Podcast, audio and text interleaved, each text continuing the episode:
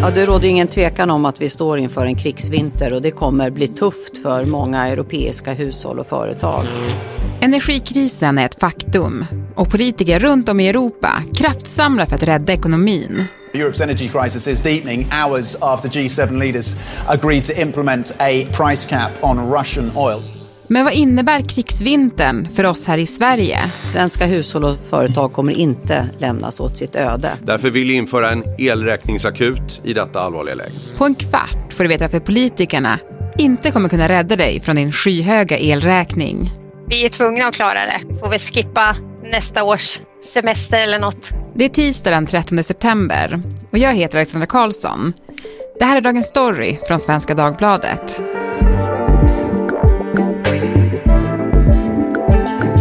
Mikael Törnvall, reporter på SvD Näringsliv. Hörru du, du är ju expert på det här med energi. Ja, har vi blivit det lite grann. Mm. Jag är rädd.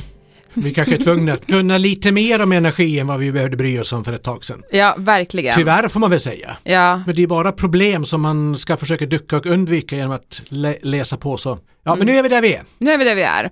Det är svårt att hänga med och det är också svåra grejer att prata om. Och när vi pratade inför det här avsnittet, då sa du så här. Jag tror att det är tre frågor alla ställer sig. Ja, det är, blir det dyrt, blir det svart och varför ska vi hjälpa Tyskland? Ja, okej, okay, ska vi försöka svara på dem då? Då kan vi försöka med det i alla fall, ja. ja. Ska vi börja då med den här frågan som ju är väldigt viktig för många. Hur dyrt kan det bli? Det blir väldigt dyrt. Exakt hur dyrt det kommer att bli, det är jättesvårt att säga därför dels vet vi inte vad som händer med eh, tillgången på gas, hur mycket ryssarna kommer att strypa det, vi vet inte hur mycket Europa lyckas parera den händelsen. Så själva den faktiska prisuppgången har vi ganska dålig koll på, annat än vi vet att det kommer att bli dyrt, men hur väldigt dyrt det blir, det vet vi ännu inte. Mm. Och det andra är att det finns en massa politiska förslag där ute som ska på något sätt mildra prisuppgången. Och hur väl politikerna lyckas med det, det vet vi inte heller. Nej. Men tyvärr är det ändå så liksom att det kommer att bli väldigt dyrt. De politiska förslagen kommer inte kunna lösa mer än en del av uppgången. Så jobbigt blir det, hur jobbigt det blir, det vet vi inte. Redan förra året så tyckte många hushåll att det var dyrt eh, och det är ju bara då en försmak på vad som kommer komma nu. Och de som kommer drabbas hårdast är ju villaägarna. Vad ska de ställa in sig på? Jag tycker tyvärr att man ska vara ganska pessimistisk. Det är bättre som att man tar höjd för, förbereder sig för väldigt, väldigt höga elräkningar i vinter och sen blir glatt överraskad om man kommer billigare undan än tvärtom. Mm. Eh, för det kommer bli väldigt svårt att hantera om man plötsligt får en räkning på 40 000 spänn som man inte hade väntat sig. Nu är det ju så, det är södra Sverige som har de högsta elpriserna och det är de som bor i villa med någon form av eluppvärmning, alltså direktverkande elvärme, en värmepump som går på el. Det är de som kommer drabbas hårdast. Och där ser man ju allting från prognoser på att det är kanske under vinterhalvåret 50 000 kronor i elräkning till uppemot 70-80 000 kronor eller ännu mera. Mm. Och det är ju otroligt mycket mer än vad en villaägare var med för bara några år sedan. Mm. Du nämnde 100 000 när vi pratade innan och gjorde någon sån uträkning. 100 000 är så himla mycket pengar. Det är väldigt mycket pengar för el, ja. Mm. Men alltså, den risken finns. Vi har ju sett nu då, när man, eh, ofta brukar man prata med Nordpolpriserna. Och redan där bör man ju säga att dygnspriset ligger på 4-5 kronor per kilowattimme och det är ju så tio gånger mer än vad det ska ligga på. Och på det ska man då lägga på energiskatt på 40 öre, elbolagens påslag på kanske lika mycket till och på allting det så kommer moms. Mm. Så det blir ju lätt 5, 6, 7 kronor per kilowattimme under längre perioder. Det är inte bara en timme om dagen som det är så höga priser utan det kan man nästan räkna med att snittet per månad kan börja komma upp i de priserna i vinter och då blir det mycket pengar. Har det kanske kostat 5-10 000 för din, din villa tidigare så kanske vi landar på en, en eh, 15 till 40 000 så därför sa vi att 50 000 i, i buffert det är liksom inte omöjligt. Nyligen gick kommunala elbolaget Varberg Energi ut och uppmanade sina villakunder att ha 50 000 kronor i buffert inför vintern. Mm, elräkningarna för boende i södra Sverige kan bli hisnande höga i vinter. En elräkning för en normalvilla i Skåne kan till exempel landa på nästan 17 000 kronor. Men varför är det egentligen så att de som bor i södra Sverige drabbas hårdast och att skåningar kan behöva betala mångdubbelt så mycket för elen som norrbottningarna? Jo, för att Europa har en gemensam elmarknad som är indelad i olika prisområden. I Sverige finns det fyra prisområden där utbud och efterfrågan avgör kostnaden. Norrut produceras mycket el. Där har vi ett elöverskott, vilket gör priserna låga. I södra Sverige är det tvärtom. Men priset handlar också om hur områdena är ihopkopplade. Och nu blir det lite komplicerat. De olika elområdena i Europa påverkar varandra. Utan att gå in på detaljer så handlar det om vilken överföringskapacitet det finns i kablarna som kopplar samman elområdena. Det leder till det märkliga läget vi befinner oss i just nu. Att elpriserna i Skåne avgörs mer av de höga energipriserna i Tyskland än av den billiga elen i norra Sverige. Och ja, vi måste exportera el till våra grannar söderut. Om vi inte gör det så kommer EU och säger aja baja. Hej, jag Ryan Reynolds. På Mint Mobile, we like to do the opposite of what Big Wireless does. They charge you a lot, we charge you a little. So naturally, when they announced they'd be raising their prices due to inflation, we decided to deflate our prices due to not hating you. That's right. We're cutting the price of Mint Unlimited from $30 a month to just $15 a month. Give it a try at mintmobile.com slash switch. $45 upfront for three months plus taxes and fees. Promote for new customers for limited time. Unlimited more than 40 gigabytes per month. Slows. Full terms at mintmobile.com.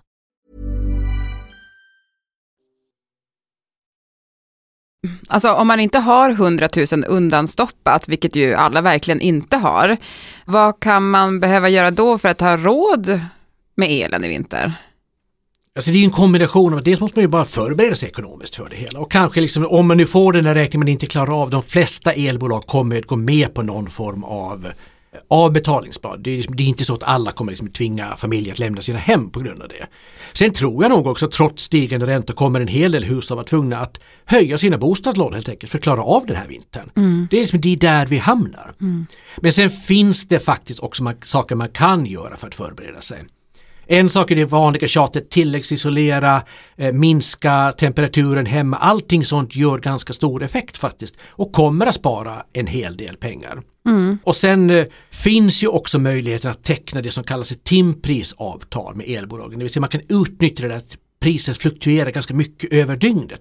Har man ett timprisavtal då kan man ju faktiskt till exempel köra igång värmepumpen i huset på natten när elen är som billigast. Har man elbil, laddar man den över natten har man en torktumlare, vänta med den ett par timmar till dess att priset sjunker lite grann.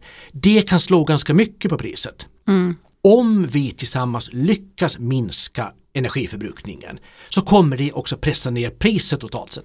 Mm. Så det finns en del att göra men det kommer vara jobbigt. Ja, nu har vi pratat om husägarna. Eh, jag bor i lägenhet. Grattis. Tack.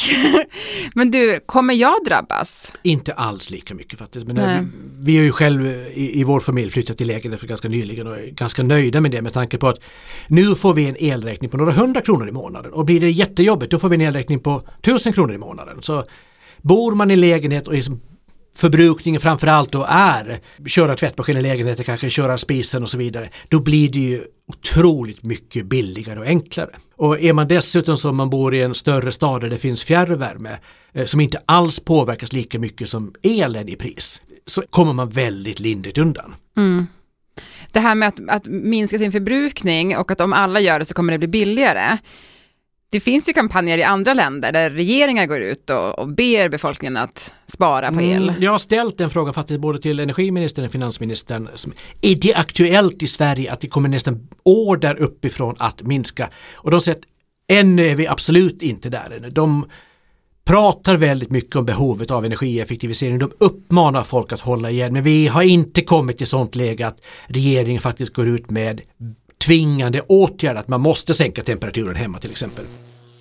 Europa kraftsamlar för att klara energikrisen. I Finland uppmanas folk sänka inomhustemperaturen med en grad och ta kortare pass i bastun. Schweizarna ska duscha svalare och lägga lock på kastrullen när de lagar mat. Danskarna uppmanas att skippa torktumlaren och ladda elcykeln på natten. I Frankrike kommer reklamskyltar och gatubelysning släckas i vissa områden. Och i Tyskland kommer rulltrappor stängas av, värmen i offentliga byggnader sänkas och det blir förbjudet att värma upp sin privata pool. Politikerna de har ju utlovat en massa miljarder i stöd för hushållen, du var lite inne på det, men kommer det att räcka? Nej. Nej. Räknar man väldigt grovt så kan man säga att av de 90 miljarderna ska hälften gå till hushållen, hälften till företag. Det blir utslaget på de elanvändare som drabbas hårdast, alltså de som finns i södra Sverige, en dryg krona per kilowattimme. Och om då priset stiger från tidigare kanske man var van att betala totalt sett under en krona per kilowattimme till 5-6 kronor per kilowattimme. Så en krona hjälper men det löser ju inte hela problemet. Nej. Alltså man, man, man kommer nog se en del försök från EU att liksom frikoppla gaspriset från elpriset. Det skulle kunna pressa priserna ytterligare lite grann. Eh, men annars har jag ju svårt att se att staten liksom ska skaka fram riktiga pengar på flera hundra miljarder att pumpa ut i ekonomin. Liksom, de pengarna ska ju tas någonstans och liksom den typen av storskaliga bidrag till hushållen skapar helt egna problem. Det kan driva på inflationen till exempel, vilket gör att räntorna stiger och då får man en smäll där istället. Så det, regeringen är ganska bakbunden till hur mycket man kan rädda hushållen. Mm. Okej, det var första frågan. Kommer det bli dyrt? Och eh, uppenbarligen ja, blev svaret. Ja. Andra frågan då, kommer det bli svart? Eh, sannolikt inte däremot. Alltså det finns ju en oro liksom, att eh, det ska bli här, omfattande strömavbrott och då ser man för sig ungefär hur det har varit i länder som Sydafrika där man har varje dag rullande strömavbrott. Att en stadsdel stängs av några timmar varje dag och sen får nästa stadsdel ström och så vidare. Och det är liksom något som man har vant sig där vid att det är strömavbrott flera timmar varje dag. Vi är ju inte i närheten av det. Det som har diskuterats, vilket i sig skulle vara en unik situation, det är att man vid några få tillfällen i vinter kommer att på ett planerat sätt koppla bort stora elanvändare. Och då kan det bli aktuellt att det blir strömavbrott i en stadsdel en timme eller så. Eh, Ransonering helt enkelt. Ja, men risken för det bedöms fortfarande vara ganska liten. Och om det blir det så är det, det är inte värre än att man drabbas av strömavbrott ändå. De flesta vintrar. Så nästan alla har ju varit med om att det var mörkt i lägenheten en timme på vintern. Värre än så blir det sannolikt inte. Det finns en liten risk, ska man dock komma ihåg, för att vi skapar en situation med liksom mer ansträngt elsystem och ett elsystem som är ansträngt är lite mindre stabilt. Och om det av någon anledning kraschar, eh, vi har väldigt hög efterfrågan samtidigt som en reaktor lägger ner och sen blir det problem i Tyskland, allting bara kvackar ihop plötsligt. Då kommer det ta åtskilliga timmar, kanske till och med dagar att komma upp igen. Så det, den risken finns men den är, skulle jag fortfarande bedöma som väldigt liten. Okej, det känns ju skönt i alla fall. Vi är ju då fram, sammankopplade med till exempel Tyskland. Om det skulle vara så att det blir ett bristsituation i norra Tyskland som är så allvarlig att man måste börja koppla bort. Då måste vi fortsätta exportera dit trots att det kanske leder till en bristsituation i södra Sverige som leder till att vi måste koppla bort. Krisen fördelas på flera länder i vissa lägen. Ja, då kommer vi in på den där frågan. Varför ska vi hjälpa Tyskland? Och det är därför eller? Ja, tre anledningar brukar man säga. För det första så har vi inget val. Nej, Okej. Eh, elsystemet regleras ju av EU-regler. Det är en gemensam marknad. Vi kan inte bara liksom koppla på och av oss lite som det passar oss. Sen finns det en solidaritetsaspekt i det hela naturligtvis. Att de problem vi står inför trots allt i vinter med höga elpriser är ganska milda jämfört med de problem som många gasberoende länder på kontinenten står inför. Vi som är någorlunda lyckligt lottade hjälper länder som Tyskland i något som börjar beskrivas som en krigsekonomi. Det är ett energikrig som pågår och att vi inte skulle hjälpa till då, det kommer i alla fall inte vara populärt nere i Bryssel kan vi säga. Nej. Eh, Och det sista är ju att eh, vi är ju faktiskt beroende av hjälp också vissa dagar. Men glömmer bort det. Sverige exporterar el, vi får höra det miljoner gånger. Men vi har ett elöverskott vi exporterar el. Vad är problemet? Det är bara vi som hjälper alla. Mm, det stämmer men riktigt kalla dagar på vintern då är vi faktiskt helt beroende av att kunna importera el. Och om vi nu säger till tyskarna och andra men eh, vi tänker inte exportera till er därför vi vill inte ha era höga elpriser så kommer tyskarna naturligtvis vara en svinkall dag i januari eller februari när vi behöver el. Att nej, det blir ingen ström. Och då blir det mörkt i södra Sverige. Då blir det svart. Då blir det svart. Du, Micke, eh, du har ju varit med i den här podden ett antal gånger och vi har pratat ganska mycket om eh, Putins gaskran. Eh, Då har den ju varit igång fortfarande, men nu är den ju stängd. När vi pratade om det då i ett eh, hypotetiskt scenario så var det ju ett mardrömsscenario vi pratade om och nu är vi ju där. Alltså hur mycket av en mardröm är det egentligen? Jag menar ordet mardröm är något vi i media älskar att använda hela tiden. Om man stukar foten så är det mardröm i stort sett. Eh, Det här är en mardröm. Det vi står inför i Sverige är ganska milt jämfört med hur det kan bli i Europa. Så när man hör inslag från eh, andra länder liksom, där folk faktiskt väljer mellan att köpa mat och betala elräkningen. Eh, och där det liksom ändå finns en risk liksom att menar, folk fryser ihjäl nästan. Mm. Det är länder där man värmer husen med gas som nu inte finns. Eh, så det är en mardrömssituation som Europa står inför och det kommer att vara en väldigt, väldigt, väldigt jobbig vinter. Och hur förbereder du dig? Ja, som tur är så bor jag ju då i lägenhet mm. med fjärrvärme. Vi har stängt av eh, golvvärmen i badrummet. Mm. Eh, hade jag bott kvar i villa så hade vi nog gjort en hel del för att snabbt hitta på metoder för energieffektivisering, snabbt ställa om avtalet mot eh, timpris och kunna styra förbrukningen. Men som sagt, jag behöver inte det. Nej, lill hos dig. Du också, du bor också i lägenhet. Jag vet. Jag har också stängt av golvvärmen. Tack mycket för att du var med i Dagens Story. Tack. Burrows furniture is built for the way you live. From ensuring easy assembly and disassembly to honoring highly requested new colors for their award-winning seating, they always have their customers in mind. Their modular seating is made out of durable materials to last and grow with you. And with Burrow, you always get fast, free shipping. Get up to 60% off during Burrow's Memorial Day sale at burrow.com slash ACAST. That's burrow.com slash ACAST. burrow.com slash ACAST. Producent för dagens program var Kajsa Linderoth, redaktör Erika Hallhagen och jag heter Alexandra Karlsson. Vill du kontakta oss så mejla till dagensstory.svd.se. Klippen i programmet kom från Expressen, Bloomberg, SVT och TV4. Normally being a little extra can be a bit much, but when it comes to healthcare, it pays to be extra.